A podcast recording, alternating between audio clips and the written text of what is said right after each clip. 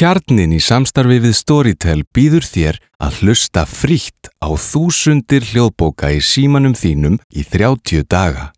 Það eina sem þú þarfst að gera er að skrá þig á storytel.is skástri kjarnin og byrja að njóta. Storytel.is Þúsundir hljóðbóka í símanum þínum.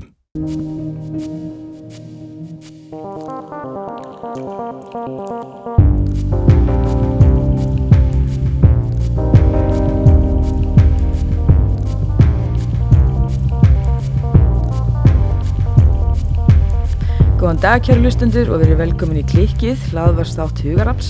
Ég heiti Fanny Björk Ingólfsdóttir og með mér í dag er Svafa Ardadóttir.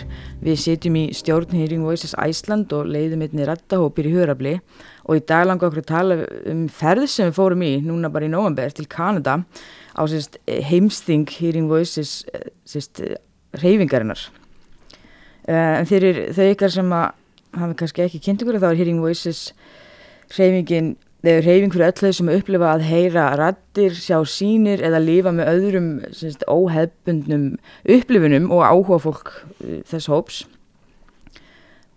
Já, algjörlega og við vorum svo óbúslega spennt bæði að geta loksins bóðu upp á nálgun sem, og, og úrræði sem byggir á þessari hugmyndafræði hér á Íslandi en líka að fara á þetta heimsting ratteirara ef svo má kalla til þess að fræðast, fá innblástur og svona heyra hvað aðri er að gera í öðrum löndum. Já, nákvæmlega. Þessi reyfingi líka alveg enga með nýja, nýja nálinni út í heimi. Hún er búin að vera til í einhver 30 ár. Uh, við stopnum landsreyfingunni í Íslandi núna bara á þess ári í uh, april. April, já, april, nákvæmlega. Þannig við erum svona uh, yngst núna.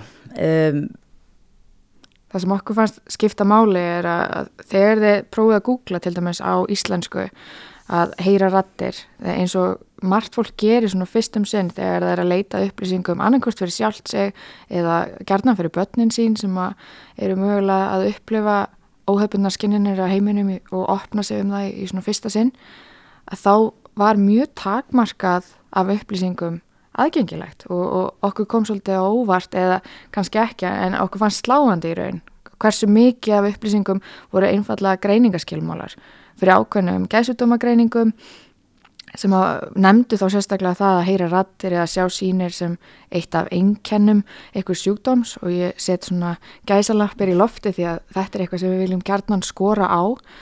Og við fundum að það skiptir gífulegu máli að geta gengið í hópjafninga sem að tengja við þessar upplifanir og fengja að ræða þær meðaljafningja án þess að fá einhvers konar sjúkdómstimpla eða aðrir séu að setja merkjum eða á upplifun þína.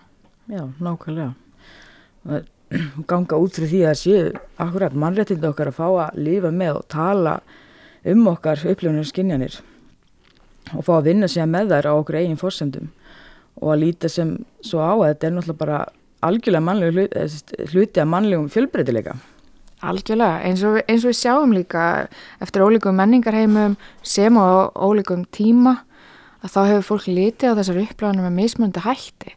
Við höfum séð það að, að í, á Íslandi jafnvel til forna þá horfum við á þessar upplæðanum kannski freka sem að, mannskja væri skegn eða í sambandi við huldufólk eða forfeðis ína og þetta er ennþá við líði í mörgum öðrum menningarheimum og einni erum við að sjá það að, að þessar upplöðanir hafa þýðingu sem að skipta svo miklu máli að, leifa og, og, og styðja einstaklingin að finna sína þýðingu og merkingu með upplöðanum. Nákvæmlega. Já, svo vildum við nú svona hratt og öruglega byrja á að segja ykkur frá því að við fórum til Kanada fyrir tæpu mánuði síðan og fórum til Montreal. Og við fannir fórum þángað fyrir hönd þessar litlu krútlegu reyfingar og, og tilgangurinn var að, að fá svolítið fróðleik og innblástur. Við e, þetta þing var haldið með samstarfi, Intervoice eru svona heims samtök ratteirara og þetta var haldið með samstarfi þeirra og svo samtaka í Kanada sem að bera mjög langt heiti á frönsku því að þetta var í frönsku meðal hluta Kanada og megnið að þinginu var með þess að á frönsku Já. Við vorum oft með svona lifandi tólkun í eironum og sem var ekstra áskorun Já, nákvæmlega. og punktuðum mikið niður. Við tókum þess að var alvarlega vitandi það að við vorum bara tvær að fara og, og það væri margt fólk hérna heima sem vildi fræðast líka. Þannig að við vorum, við vorum mjög duglegir nefnendur og vorum sífælt með pannan á lofti að punkta niður og, og jafnvel tókum sko svona fundi í lók hvers dags þar sem við settum niður það sem að stóð upp úr og reyndum að fara mismunandi vinnustofur þannig að við værum að fá svona sem mestan fróðuleik fyrir engungu tvær manneskjur að koma með heim. Nákvæmlega. Það má kannski nefna líka að, að þingi sjálft, það er svona, það er fyrir allskins fólk. Það er fyrir fólk sem að tengi við þessar upplifanir og hefur uh, heyrt hluti, séð hluti eða skinnja heiminn á annan hátt en, en gerðan er talið svona uh, það sem allir upplifa. En svo er þetta líka fyrir ástvinni og líka fyrir fagfólk eða áhuga fólk um þetta málefni og við fundum svo litið fyrir því reyndar það núti sem við munum kannski nefna frekar á eftir en þetta var blandaðar hópur og fyrir suma var þetta hérna, að þau voru meira að miðla sinni reynslu og fyrir önnu var þetta klálega kannski fyrsta opnun á þetta málefni Já, nákvæmlega.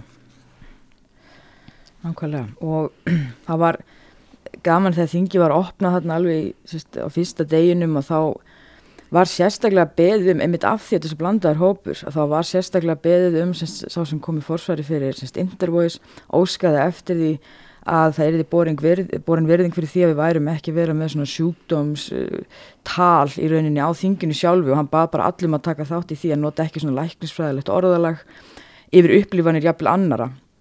svona eins og geðrof eða ofskinjanir eitthvað slíkt. Nákvæmlega og bara og, uh, þetta var tekið, það voru margir svona sem að pössuði vel upp á þetta mér fannst það persónulega rosalega gott að vera að reyna að halda í hlutleysin, þá sá maður alveg sjálfur samt, ég fann það alveg að mér hversu fljóti ég er ofta stökk við eitthvað orða því að held að allir skilja mm -hmm.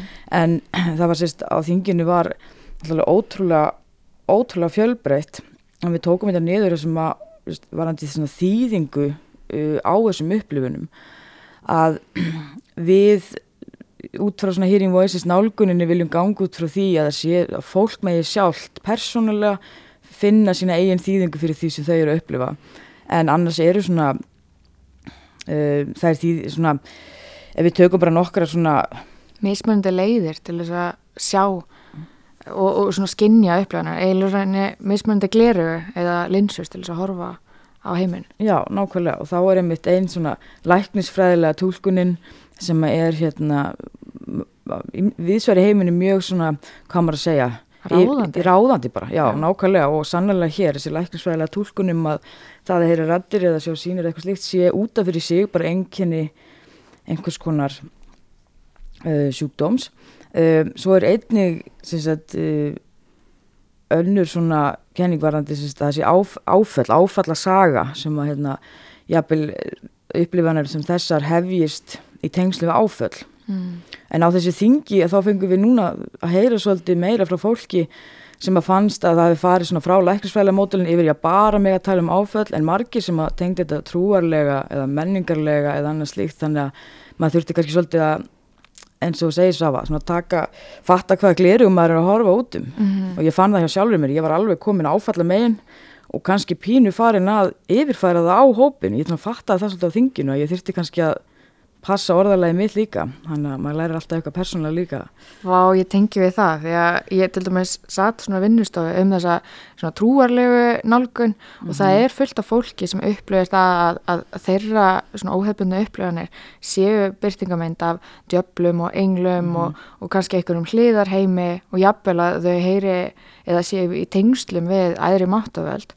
Og og ég fann að það eitthvað svona kveikti eitthvað hjá mér að ég svona, nei, nei, þetta er ekki máli þú veist, þetta er ekki, en það er náttúrulega bara mín lífsýn og ég verða að virða það að annar fólk gæti haft aðra upplöfun og, og það er alls ekki mm, svona mitt hlutverk að segja að þetta sé ekki ein möguleg túlkun á upplöfunum þó ég kannski kjósi fyrir mig sjálfa að sjá að, þetta, að, fyrir mig væri kannski að horfa til þess að, að það er mjög oft áföll í fórsögu uh, hjá, hjá mjög stórum hluta fólk sem að tengja við þessar upplæðanir að það er alls ekki algilt og margir sem vilja bara ekkit vera neytir til þess að, að tala um það út frá þeim fórsendum. Nei, nákvæmlega, nákvæmlega, það er alveg, alveg sama hér. þannig já, svona að fá að finna sín eigin þýðingu stað þess að þessu ákveðin fyrir mann það er svona stór, eitt stór punktur Já, svo fór ég á vinnustofu sem var að að ræða batan sem er eitthvað sem við höfum svolítið mikið talað um hérna í hugarafli og eflaust hlustendur þessar hlaðvarps þekkja vel en, en þarna var verið að ræða svona gaggrína vangaveltur tengt því þegar við fáum fólk með rinslu af andlum áskorunum til þess að segja batasöguna sínar. Við teljum til dæmis að, að það er gerðnan hluti af bataferli margra að opna upplifun sína og mögulega vinna úr, úr sögunu sinni þannig að, að þessi einhver frásög sem við viljum miðla. En þarna var gaggrinni á það til dæmis að það er ekki allar sögur sem fá jafn mikið vægi eða fá jafn mikið sviðsljós og fá að heyrast. Það er gerðnan að það er batasögur sem við heyrum fel í sér að manneskja upplifir krísu, gengur gegnum erfileika, svo hittir hún einhvern frábæran fagæðla sem er svona eins og engil í mannsliki og þessi fagæðli breytti öllu. Í kjölfarið þegar manneskjan að vinna í sjálfur sér og, og allskyns atriðin sem hún vil vinna með og sigindilega er hún búin að ná bata og lífið er gott og það er gott að eiluðu. Þetta er svona styrjómyndin af, staðalmyndin af þessari batasögur sem við kannski erum búin að heyra kannski aðeins of oft og Já. vantar að heyra sögur frá öðru fólki. Fólk sem kannski er á öðru menningarheimi, er ekki hérna í íslenska samfélaginu kvítt og, og sís og, og hérna tengi við það mm -hmm. kyn sem að því var útlitað við fæðingu og er, og er ekki endilega gagkinhegt eða uh, já ég er að reyna slett ekki svona mikið en, en þetta var mjög aðstænt áhugavert og það var líka það að við, við höfum gertna hortað á svona hvað fær manneskjan sem er að segja batasögunu sína út úr því en við höfum ekki jafn mikið rætta hvað fær áherjandin út úr því að hlusta á batasöguna og er það alltaf svo jákvægt og hérna þarna á vinnustofunum var verið að ræða að vissulega getur áherjandin leita upp í batasögur til þess að finna von, samkjönd, tengsl og finna maður ekki einn En það getur líka verið svona ekki alveg jafn jákvæmt eins og að fólk stundur leitar uppi á hlusta á þjáningu annara mm -hmm. eða pínur bara svona að horfa og forvetnast -hmm. eins og maður uh, sé dýr í dýragarði og svo var sérstaklega verið að tala um sko og hver er tilgangur þeirra sem skipuleggja þann viðbur þar sem að batasögur heyrast eða gefa út batasögurnar. Stundum er, er sá tilgangur ekkit svo fallegur. Nei gæti jápil verið að selja fleiri blöð eða, eða bara fá fleiri svona klikk á, á hérna fréttameðlum að fá Nákvæmlega. fleiri til þess að íta á hlekkin Nákvæmlega, auka áhorf mm -hmm. Tikka í bóks að hafa haft einhvern með persónulega reynslu með á því hvernig sem er, nákvæmlega, það eru margar ástæður Jápil þó að sé kannski mm. ekki hlustað eða ekki gefið mikið rými til að tala eða bara, þú mátt bara tala frá þunni reynslu. Já. Ekkert vera að yfirfærða á hvernig við ættum að, að aðlaga starfsætti segðu Nei. bara þína sögu og svo liður okkur vel og fyrir mig kaffi. Nákvæmlega, svo, fylgjur því oft hef ég persónulega tekið eftir og heilt marga að segja fylgjur oft, reynum að hafa þetta svo létt. Því að við viljum, það verður verið svona svolítið gaman. Og það er rosa pressa á fólk að fara að deila sinni sögu og þurfa að hafa gaman. Eða þú veist, að láta alla skemta sér sko. eða skrifa söguna með eitthvað svona pólitískan tilgang í huga. Mm, veist, hér á ég að passa að nefna mm. sérstaklega börn og uppbyldu og skóla um hverju en í næst þegar ég er að tala um batasögunum mín þá er ég nú sérstaklega að tala um ég veit að ekki, geðlif eða hvað ykkur ákveðum fagstjætt er frábær. Nákvæmlega, þetta, var, þetta er einmitt mjög áhugaverð umræða og, og ég get svona, því meira sem ég hugsa þetta, því meira fyrir hugsa ég, það væri rosa gott að heyra eins og þetta bara að því stundum bara lífið er alls konar, þú veist, mm. lífsagan yfir höfuð er alls konar og það er alveg kannski væri mitt fínt stundum og oft að fá að heyra fólk sem er bara í þessu ferðarlægi og það gengur upp og niður veist, þannig að Ég, ég ætti kannski að vera duglega við það sjálf að vera ekki, maður fer oft í að reyna að vera svona með einhvern jákvæðan lokapunkt alltaf. Nú líður mér miklu betur. Já, þetta er komið bara. Veistu, og þá meina ég ekki að maður geti ekki nátt bata en nákvæmlega. það er bara Mér finnst það líka mikilvægt að meðlæga að það samt heldur lífi áfram og það er allskeins uh, tilfinningar sem að eru og, og það er ekkert en ekki eftir að gera þá kröfu að, að líðarinn verði bara alltaf frábær og annars er maður ekki búin að bata. Það er bara rögl og, og samanskapi er ég svolítið farin að þrá það að heyra batasögur sem, sem leggja meira áherslu á bara hvað við gerðum Já. og hvað við breyttum hlutum fyrir okkur sjálf. Já, vissulega getur maður verið svo heppin að hitta á frábæran fagæðala mm en, en ég er ekki lengur til í þess að hérna, ofur áherslu að fagæðalinn sé bjargvætturinn nummer eitt og einhvern veginn maður það bara vera nú heppin til að hitta á einhvern hinn eina rétta. Nei mitt sko, nákvæmlega. Nákvæmlega, en já, svo hérna það var einmitt þessu margt áhugavert á þessum þingum til dæmis með skapandi aðferðir. Þau eru með alls konar vinnustofur alltaf sem koma inn á einhvern veginn svona skapandi aðferðir til þess að vinna með. Þetta er náttúrulega sérstök áherslu að vinna með rattir eða, eða sínir eða annað en það er svo sem þetta yfirfæra náttúrulega skapandi aðferðir bara til þess að vinna með allt. Tilfinningar, hugsanir, hvað sem er og, og vonum það við höfum það í huga semst núna þegar við erum að lýsa svo að það er einstaklega þægilegt að yfirfæra bara það sem maður vil en þetta árið á þinginu þá var einn svona mjög skemmtileg skapandi aðferð sem var hérna í sambandi við svona brúðu leikhús eða þannig, brúðu gerð mm -hmm. og þetta greip alveg augun, var svona, komum inn eitthvað puppet eitthvað og svo eitthvað á frönsku sem ég get enga veginn borðið fram en það var sem sagt, þá var þarna aðili sem að það var bara svona herbyggi sem var fullt af dóti þannig að maður farið hvernig sem er yfir þingið og búið sér til sín mm. eigin brúðu og það voru æfingar líka sem maður gæti einhvern veginn nota til dæmis að búa til brúðu með einhver ákveðna rödd í huga og til nætt að vinna með það en hérna, mér líður svona pínu eins og þegar ég er að segja svo og fólk er eitthvað ok, en það hefði kannski þurft að sjá þetta, við erum sem betur fyrir með myndir sem við getum sér dreift síðar, þetta var rauninni bara, já það var skemmtilegt Já, það er líka munur á því og, og mér fannst það klálega svona styggsmunur ef það væri, segjum, einhver fagaðali sem lappaði mm. inn og bara, heyrðu, jæja góða fólk, nú ætlum ég að vera svo hjálpleg sko, mm. að hérna, viljið þið ekki búa til brúður til þess að tjá þetta þá myndum maður að vera bara, ég er ekki leikskóla krakki hvað er að? Nákvæmlega En það er eitthvað annað þegar manneskja með reynslu af þessum upplöfunum segir, veist, þetta nýttist mér mm -hmm. og mér langaði að bjóða upp á þennan valmöguleika og langar ykkur að prófa. Það var einhvern veginn allt öðru í þessu. Nákvæmlega, e, algjörlega sammála. Það gæti maður bara farið inn og eina aðferðin til dæmis með þessa brúð, það er hægt til dæmis að maður er að heyra um, það eru aðferð og bara það að semja við rattir sem er að heyra, rattir sem kannski tala mikið eða trubla mikið að uh, maður getur sami við, ok, við ætlum að tala saman á klukkutíma núna þennan daginn en ég þarf pásu frá klukka þetta, þetta þá er ég í vinnunni. Mm -hmm. samninga viðræðu til þess að reyna að byrja að ná mér í stjórn á upplifinu sínum. Og þess að brúður hafa nýst eina af sérst, sögunum þarna var að þar hafa sérst nýst til þess að setja meira hva, hvernig orða maður það, þú veist þá byrjuðu til brúðuna og þú setur hana inn í skáp núna er þögn, tekur hann út, nú máttu tala. Þú veist sem dæmi. Já Þetta er svona ákveðin aðskilnar, þetta er ekki alveg jafn mikið svona partur af þér og, og alveg þínu einsta lífi. Einmitt sko, nákvæmlega og svo var náttúrulega eitt sem var náttúrulega bara með brúðu stór skemmtilega með sér sem var hérna einn röddinar, það var mjög, það var líka töff brúða, alveg með svona rastaháru og eitthvað, það var alveg svona. Algjörlega og, og svo eru margar aðra skapandi aðferðir sem hægt er að grýpa til. Þú fórst meðal hans í hérna mandulu, pröfa mandulugerðina? Já, ég, hérna, ég fór á vinnustofu þar sem að þau sem að buði upp á vinnustofuna voru búin að fylla allar sína ferðartöskur og leiðindi í Kanada af föndri.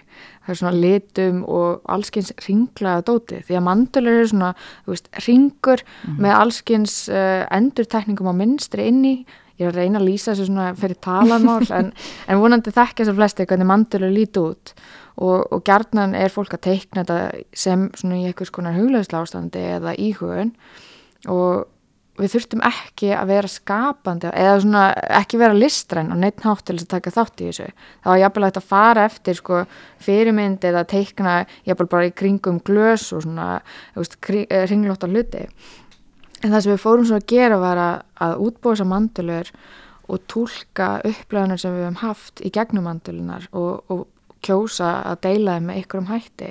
Við þurftum ekki að tjá þeim með orðum en við settum eitthvað niður svona eins og hvað var það litaval eða teiknu við myndin eða hvernig mynstri byrtist að það var tjáning á þessum upplöfunum og mér stótt þetta já, bara virkilega skemmtilegt skemmtilegt verkefni og, mm. og líka svona við, við vorum með þetta að segja frá þessu hugurupsundi í gær og, og þá er mjög góða punktur sem að ég held að tengist þessu er að við gerum svo gert að kröfu á að fólk geti tjáð tilfinningar og upplöfunir með orðum og, og tökum meira markaði ef fólk næra að nýta sér ákveð orðfæri frekar en annað.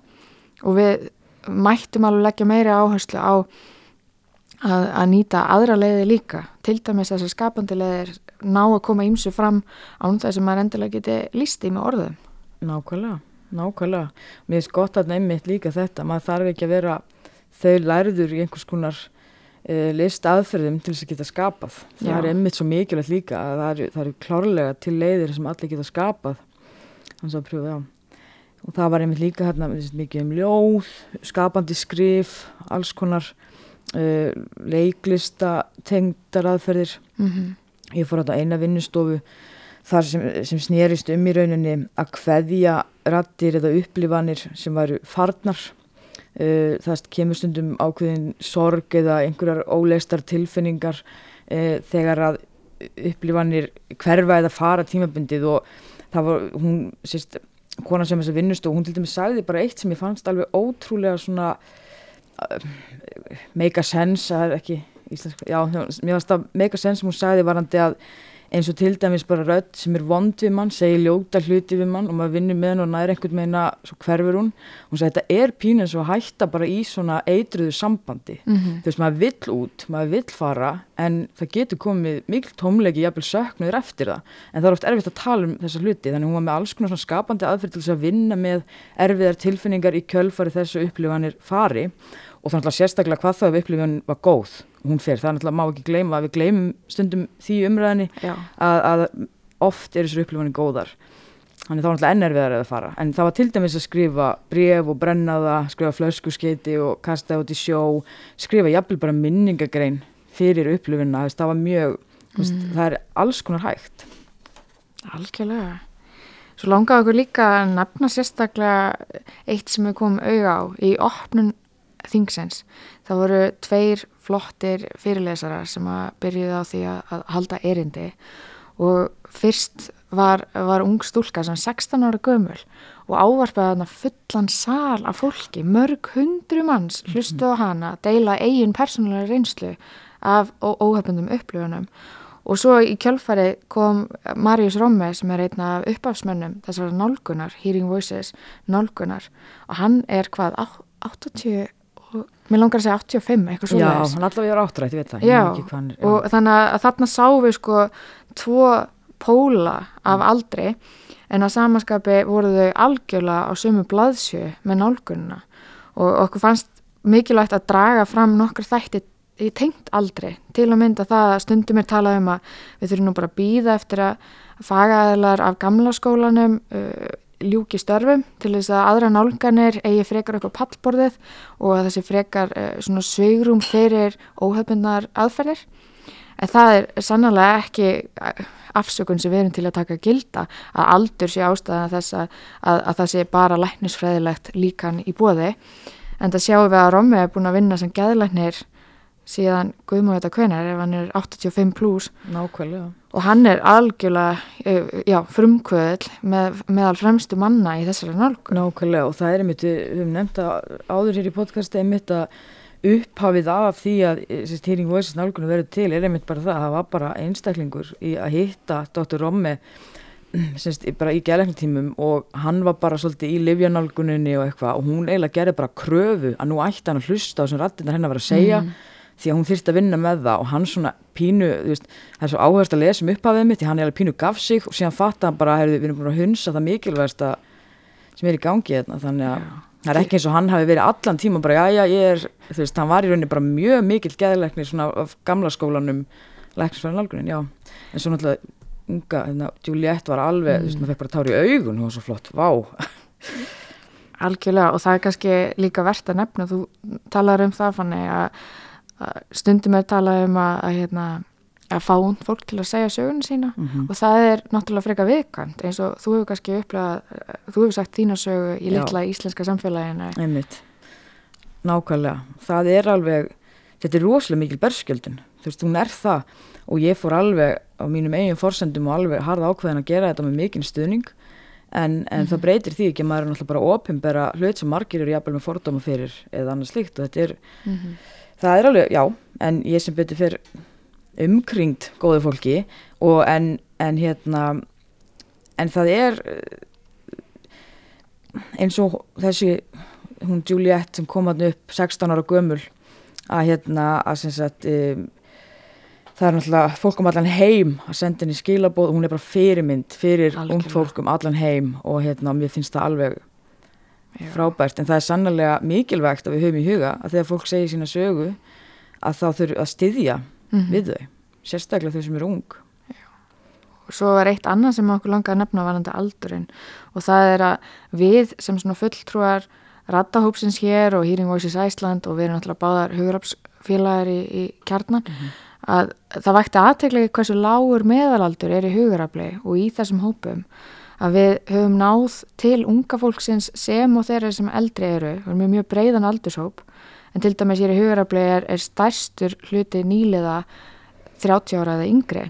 Einmitt. það er um 40% nýliðunar bæði í ár og, fyrri ár, núna síðastlegin 2-3 og þarna var svona, já, það, við fundum fyrir bæði stuðningi að Ísland var að koma inn í þessa reyfingu en líka að, að við værum að ná til ungsfólks, þau langar að læra hvernig á að laða að yngri kynslaðana. Nákvæmlega, já, akkurat og það var mitt á þinginu hérna, já, þessi dasgráliður hérna um, og mér fannst svo, ég fer þarna að því mér fannst, þetta var eitt af það sem ég vissi ég vildi fara á þingið alveg nokkrum vikum áður að það var þessi dasgráliður ungt fólk og framtíðin hérna í Hearing Voices reyfingunni Mm -hmm. og ég mætti og ég var held í næst yngst meðalaldurinn að inn var mjög hár sem er mjög lýsandi fyrir bara aldurinn í reyfingunni um, en hérna þetta var mjög áhugaverð umræða þú veist um, að því þau voru líka að tala um ungt fólk í uh, mannréttinda baráttu Mhm. dæmi, þú veist segja sögu sína og að berjast fyrir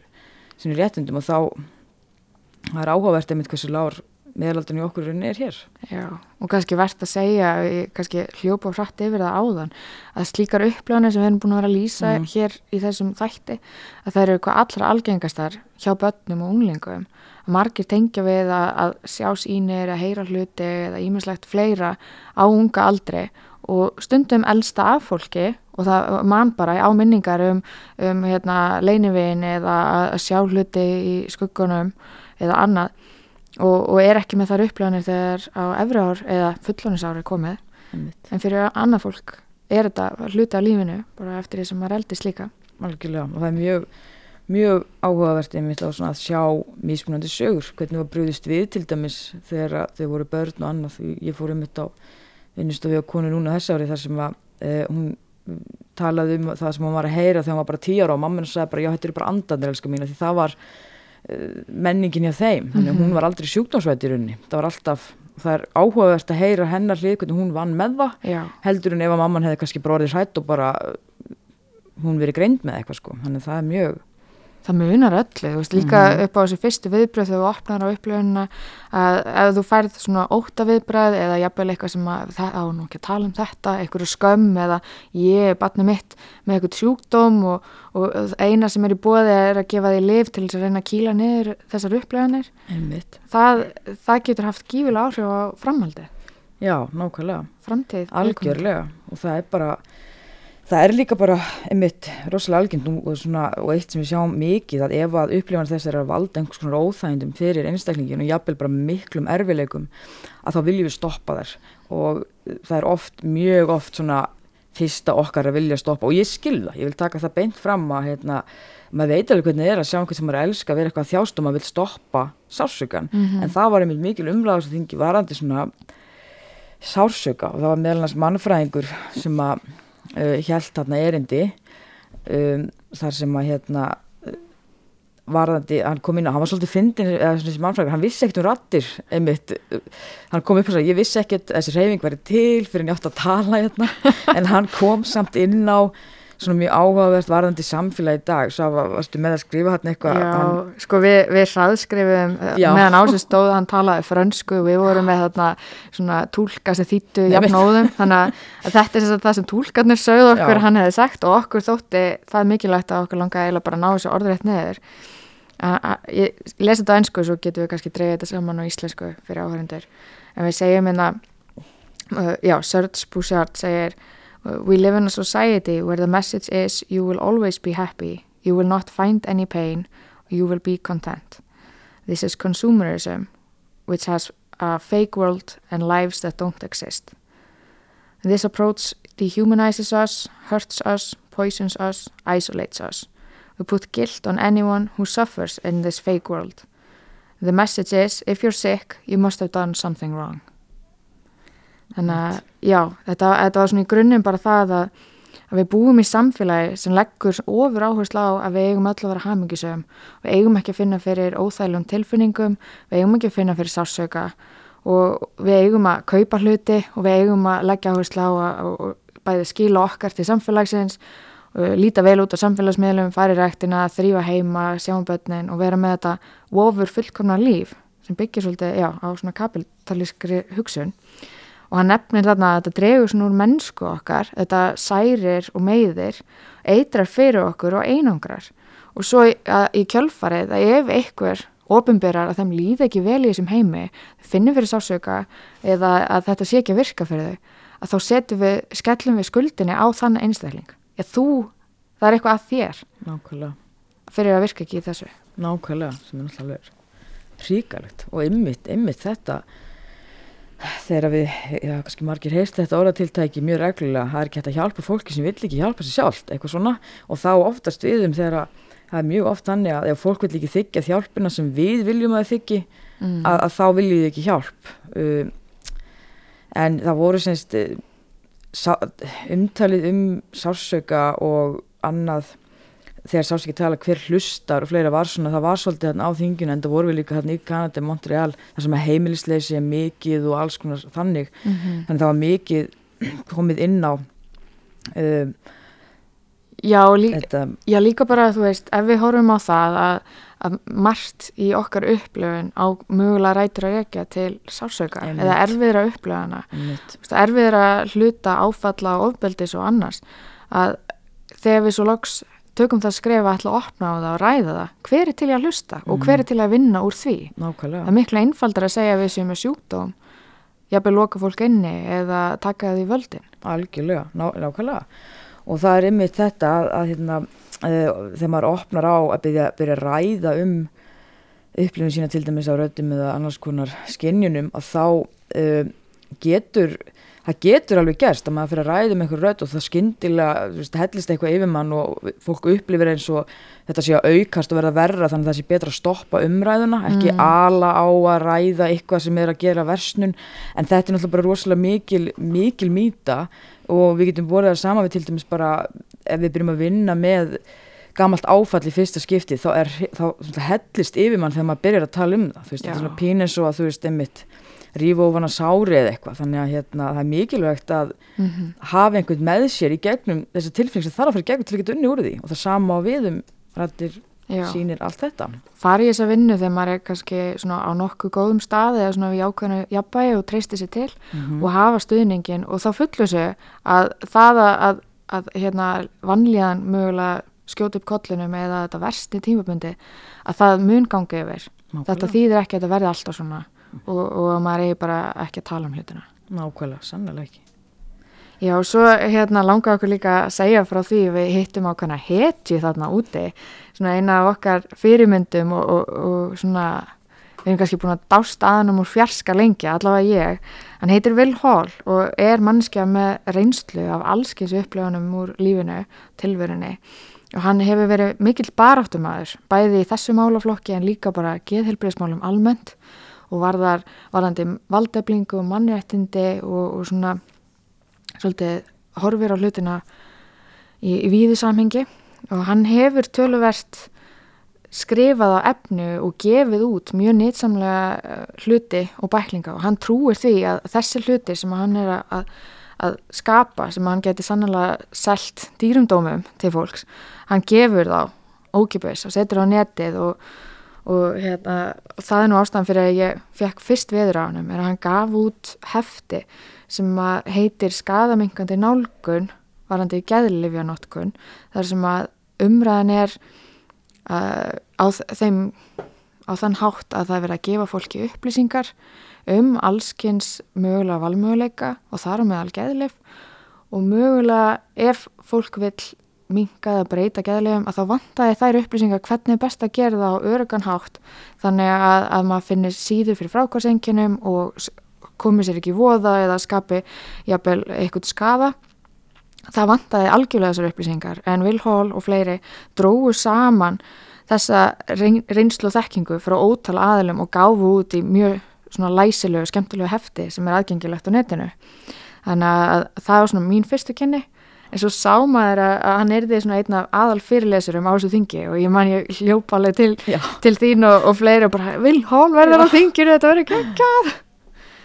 Uh, já, og vi- viltu kannski segja frá því svo þegar við vorum svona farin að sjá, sjá hann á göngunum? Já, við vorum ég, þetta var svona að, sjá hann eitthvað bregða fyrir og við eitthvað, "Oh, eitthvað svo hæ núna, nei, nei, nei eitthvað, en svo voru líka bara alls það sem hann var, það var einhver að tala við hann. Algjörlega. Og við vorum alveg bara, ó, við ætlum ekki fara að standa hérna eitthvað, býði í röð. Þú veist, hann er örugglega að koma að fá sér vasklas eða eitthvað í kaffinu, skiluru en hérna, en við síðan þarna síðasta kvöldið, þá vorum við þarna ennþá, eh, þessi stingi var haldið þarna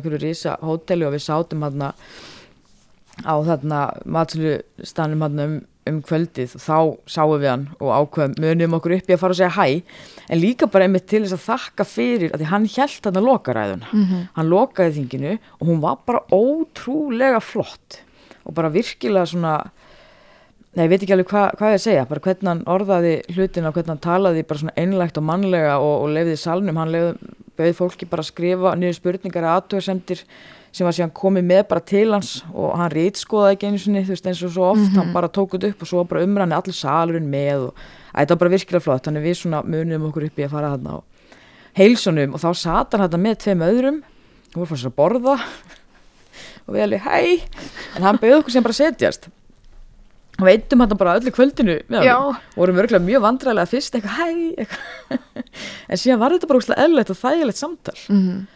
Var svona meira svona eins og jafningjar. Já, og við kynntumst þessu fólki sem var líka á borðinu og við fjögur, fimm, fimm Já. vorum með mitt bara svona meira að spjalla og deila því sem við erum að vinna með. Það voru þarna tveir kanadabúar sem eru miklu heimildagerðarmenn Mhm. og eru að fjalla um þennan málflokk meðal annars, þess vegna voru þetta og svo er Vilhólf búin að gera frábæra hluti og svo komist við að því svolítið að við höfum frá ýmsu að, með, að Já, segja líka sem að maður kannski fattar ekkit alltaf. Nei, einmitt sko, maður líka finnur maður setur aðra herra, maður setur svona fyrirmyndir, maður óvart setur það bara aðeins herra, Já. en Vil Hól svona, ég fann það sem er kannski einmitt nú líka með bara enn betur við hann, því hann svona bara, hei, við langar að heyra frá ykkur og eitthvað, Mhm. maður ekki ámk, nei ok, þetta var, þetta var, var mjög skemmtilegt, en eins og segir efnið hérna sem hann hefur aðgengilegt, þetta er rosalega mikið efni og allt frítt, minnst það eiginlega bara alveg frábært. Ég myndi hvetja fólk til þess að kíkja á hann er með heimasíðu vilhall.net og, og líka bara að googla hann þið finnið allt hans efni. Hann er búin að vinna mikið með samtökum sem þetta er Icarus Project.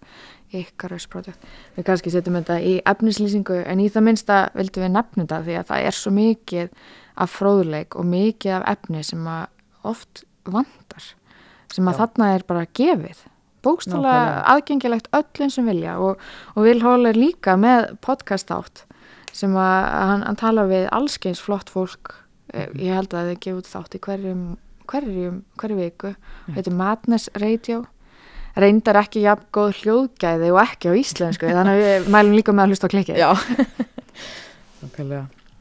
En já, líka kannski verðt að segja mitt, hann tala náttúrulega út frá persónulega reynslu líka. Það er náttúrulega bara Mhm. mjög algengt. Það sést mikið, þetta þing sem vorum að núna, svona Hearing Voices þingið, að það er bara ótrúlega mikið af fólki uh, með persónulega reynslu og að heyra rættur annað en margir, ótrúlega mikið fjöldi þetta er svona samt svona sameili bara átt fyrir mannréttindum. Ég er búin að, við sjáum það alltaf meir og meir að fólk Já. er að þetta er ekki bara spurning um þennan hóp að berist við sínur réttindum og síðan þennan litlu hóp og hinn og hinn og hinn heldur er þetta bara sannlega samanlegt Mhm. og, og, og spurning um mannréttindamál. Algjörlega. Já, svo hérna skip, sáum við líka hvað það skiptir miklu máli hvaða orðu við veljum til að lýsa upplöfunum okkar. Og, og svona hvaða það endur spyrja svolítið hvað, hvaða gleru við erum að nota til þess að horfa á Einmitt. og, og frá hvaða sjónaróli við erum að koma og mögulega líka svolítið hvaða trú við höfum á bata og framtíð viðkomandi. Nákvæmlega, já, algjörlega. Og ég, og einmitt þetta við vitum sko við veit ekki hvenar það varða normið að tala um mannlega tilfinningar með klíniskum heitum læknisfræðinar en Mhm. það er orðið sannarlega meir og meira einhvern megin talsmátin svona bara í hverstasleikunum líka. Að notir henni sjúkdómsgreiningar til að lýsa tilfinningum bæði sjálfsins og annara já, Ég veit ekki hvenær það var normið en ég finna að það er sannlega normið. Og ég sjálf, þú veist, þó ég sé ofta eitthvað að breyta eitthvað orðalega skipti máli, ég endalust nota í rauninu bara mjög klínisk heiti yfir minn líðan bara því að tala við bara vini mína, Mhm. þannig að Uh, þannig að þú veist, það er mikilvægt þegar maður pröfa síðan, ok, ég ætla ekki nota neyn læknisfræli heiti, uh, ég ætla bara að nota svona uh, mannlegu orð til lýsa mannlegum upplifunum, þá fyrst þegar maður að finna hversu mikið við erum í raunin að nota svona klínisk, klínisk tal. Þetta er góða áskorun. Ég, hérna, Mhm. ég heyri oft þegar maður er farin að vera meira meðvitaður um þetta, þá, þá er ég farin að taka frekar eftir þessu og þá er mitt, heyri maður svona út undan sér, jafnvel hérna bara heima á Íslandi, að já, ég var að drepast á þunglindum helgina eða, eða hérna, já, ég, ég, ég bara get ekki mætt, ég er, ég er svo mikið ofsakviða og þetta eru orðalög sem koma beint úr læknisræðinni sem, og, og ég er búin að finna allavega mína leið til þess að í staðan fyrir að segja bara við fólk, heyri, við, hérna, hvað meinar þau? Að spyrja bara svona mannlega, já, ok, og hérna, veist, hvernig lýsir það sér? Hvernig byrtist það? Getur þú útskist fyrir mig hvað það þýðir að vera að drepast úr þunglindum helgina? Því að þegar við notum þessi orð, þá erum við ekkert endilega með sama skilningin á hvað við eigum við og, og mögulega mitt þunglindi eða, já, það sem ég myndi lýsa með þessum hætti, einhvern veginn allt öðru í sig, bæði virkni og hvað ég er að gera samanborið við einhvern annan aðila. Og þá erum við ekki að tala saman tungumáli með þessum orðum. En svo langa okkur líka bara að hérna taka svolítið uh, ég með langar að segja svona gaggrínt sjónarhorn. Við vorum, við erum búin að vera að þjálfa það mjög hjá okkur, bæði hér í huguraflöðin en náttúrulega bara sem manneskjur og neytendur upplýsinga að velta upp mismunandi sjónarhólum og hvort að hluti gæti mögulega verið betri eða hvernig upplöðunin er. Og við sáum það að, að þetta, þessi ráðstefna var skipulöð með samstarfi Intervoice, þessar alþjóðlegu reyfingar sem eru yfir allan heiminn og svo ákveðnum samtökum í Kanada. og þau buðu upp á allskyns dagskrálið og það var alveg merst hvaða samtök stóðu baki hvaða dagskrálið og þarna sámaður sínilega að efnistök dagskráliðana voru ekki alltaf í sama gýr, það voru ekki alltaf sama aðferðafræði eða hugmyndir á baki. Og, og hérna fannig þú upplýðir svolítið svona að uh, svona sterkar nærfuru fagaðala í sem við vinnustofum. Já, sannarlega. Og Um, og vil taka fram að við, ég fór líka fórum hérna á rættaþingi í fyrra sem var í Hollandi og það var fullt af fáfólki þar líka en ég upplifði þetta ekki þannig þar að því það var bara líka langsamlega me meiri, svona, meiri hluti einstaklega með persónar reynslu en núna til dæmis uh, fór ég hérna á einu vinnustofu sem ég var nú að ræða eins áðan hérna varðandi leiðir til þess að vinna með sorgar tilfinningar annað í tengslu við þegar upplifanir fara Mm -hmm. um, og það var semst kona með persónar reynslu að fara að lýsa það sem hún hefur notað, þetta var í rauninni hennar saga, þú veist, hún var ekki að koma að kynna einhvers konar módel eða neitt þannig. Hún var bara bókstæðilega að fara að segja frá sinni reynslu og síðan segja frá því sem hún hefur notað. Og hún var alltaf byrjuð. Þegar var byrjað, fagaðilega voru byrjað rétt upp hönd til að láta hann skilgreina orðin sem voru að nota, eins og til dæmis hún sagði,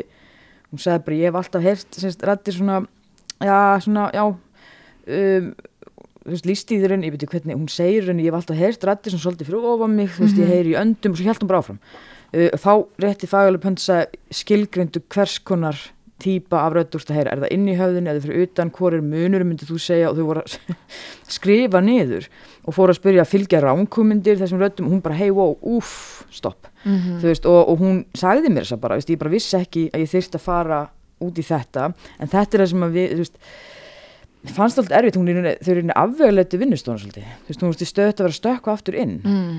og mér fannst svolítið erfitt að upplifa eins og ég geti heldur ekki deilt frá mér persónlega án þess að einhver fyrir svona nóta niður og æfat eins og að væri verið að stöddja mann sko. Ummitt, ekki bara sem jafningar uh, að vera forvitin um hvert annað sem bara mannfólk. nákvæmlega og ég get algjörlega sagt það að það var til dæmis eins og kom til mér hún sagði bara, mér var úthlutað að vera með hóp í minni vinnu, hún vann á hjúknarfræðingur vinnur á spítala sem var úthlutað að vera með hópur fólks með rattir uh, og sendinga til að læra meira um það og bara hún var alveg, þú veist, þetta var kona sem bara virkilega andum með þetta, hún vildi gera vel en þú veist, mér fannst erfitt samt þú veist, það er samt erfitt að svara þessu þannig að ekki segja að fólk komið að til að vera með leiðindi enga veginn það, þú veist, alls ekki miskilu það en það var svolítið, það, þetta var erfitt og þetta sjúkdómsvætti umræðuna og þetta er bara því miður uh, sjúkdómsvætti frásagnir þeirra sem voru bara með vinnustóru þinginu, ég veist ekki álið. Maður sér þetta stundum líka bara jafnvel á ráðstöfnu hérna heima Já. eða, eða hérna svona umræðum.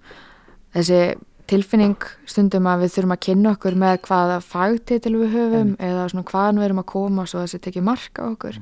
Það er svona einmir af sömu pælingum af hverju getum við ekki bara kynnt okkur þannig að við eigum öll jafnan rétt við borðið til umræði. Já, nákvæmlega og í rauninni bara kannski mikilvægt emmitt að það er kannski bara akkurat málið að segja stundum bara nú skulum við taka hérna fagstemplan okkar og mentuna eins út og við ætlum öll að tjá okkur á mannlegan hátt. Það er nóg, þú veist, mm -hmm. það er mhm. bara oft.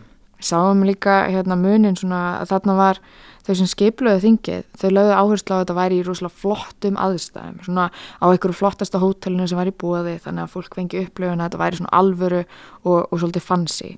Og, við heyrðum frá skipulegjendum svona manneski sem var ekki alveg sammúlað þessu sem sagði að við hefðum ekki þurft að vera á svona fínum stað og þannig hefðum við geta lækka kostnað og fleira fólk hefði geta mætt, sérstaklega fólk með persónulega reynslu. Og, og við sjáum svona, þarna er eitthvað svona áhersla lögð á hluti sem við teljum allavega ekki skipta öllu máli og, og þetta stafar á mismöndi gildum, það er, er ekki alveg saminningan á milli nálgunar Intervoice og hinnasamtækana og okkur langaði svona, við dróðum alltaf þá þann lærdom af þessu að út af því að við erum gertan í samstarfi við allskynns samtök og, og, og úræði e, á Íslandi sem á annar staðar. Og við lærðum svolítið af þessari reynslu að ok, það skiptir gífulegu máli að við séum að velja markveist samstarf við ákveðna aðala út af við deilum bæði sameilu markmiði sín og gildum og við saminust um þetta og þess vegna vinnum við að einhverju markmið eða verkefni saman. Ekki bara samstarf, samstarfsins vegna.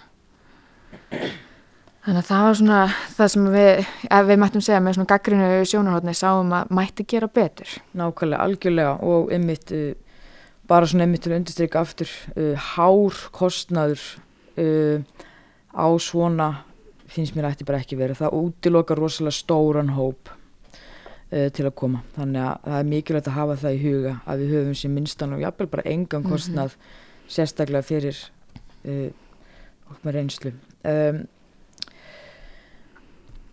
Svona í lokin þá langar okkur kannski bara að nefna nokkur atri ef, ef þetta kveikir í ykkur og þeir eru bara mjög áhuga saman um að vita meira að þá eru við til dæmis með like-síðu á Facebook. Við heitum Hearing Voices Iceland á Facebook. Við erum bara rétt að byrja þannig að við kunnum að, að meta allan stuðning þannig að endilega lækið og deilið ef þeir eru í stuði. Við erum með rattahóp fyrir fólk sem tengi við þessar upplæðanir og langar að ræða meðal jafninga næsti hittingur er 21. januar á næsta ári. Við hittumst alla þriðu dag frá þeim þriðu dag og framöftir og allar frekar upplýsingar má nálgast með því að hafa sambandi hugarafl. En við við erum að, að bæði með þennan rattahópin við erum líka svolítið að fara að setja meira, meira fúti í svona félagslega hittinga eða opna viðbyrði sem að allt fólk sem er áhuga samt um þetta málumni getur mætt á. Til dæmis bara í þessari viku sem verður til miður liðið þegar þið heyrið þennan þátt að þá eru við að fara að sína heimildamind um hvernig gekk að stopna rattarhefingu í Brasilíu fyrir örfáum árum síðan og, og svona, já það er bara byrjunin við höldum bara áfram með svona skemmtilega viðbyrju líka. Já, sannlega við vorum með hérna fyrir þessu árið þegar við vorum með svona opnarhátti fyrir Hearing Voice Iceland að þá vorum við með, með það hérna í hugarafli og þau komi hérna upp í standarar frá hérna My Voices Have Tourette's og vorum við upp í stand og það bara gekk ótrúlega vel, það var ótrúlega gaman og mm. langar sannlega að vera með fleiri bæði svona, já, opna viðbyrju félagslega, fræðislu, alls konar þannig að stay tuned. Takk fyrir okkur. Takk fyrir okkur. Takk fyrir að hlusta á hlaðvarp kjarnans. Þú getur sótt fleiri þætti um allt millir heimins og jarðar á vefnum kjarnin.is. Kjarnin í samstarfi við Storytel býður þér að hlusta frítt á þúsundir hljóðbóka í símanum þínum í 30 daga. Það eina sem þú þarfst að gera er að skráðig á storytel.is skástri kjarnin og byrja að njóta. Storytel.is Þúsundir hljóðbóka í símanum þínum.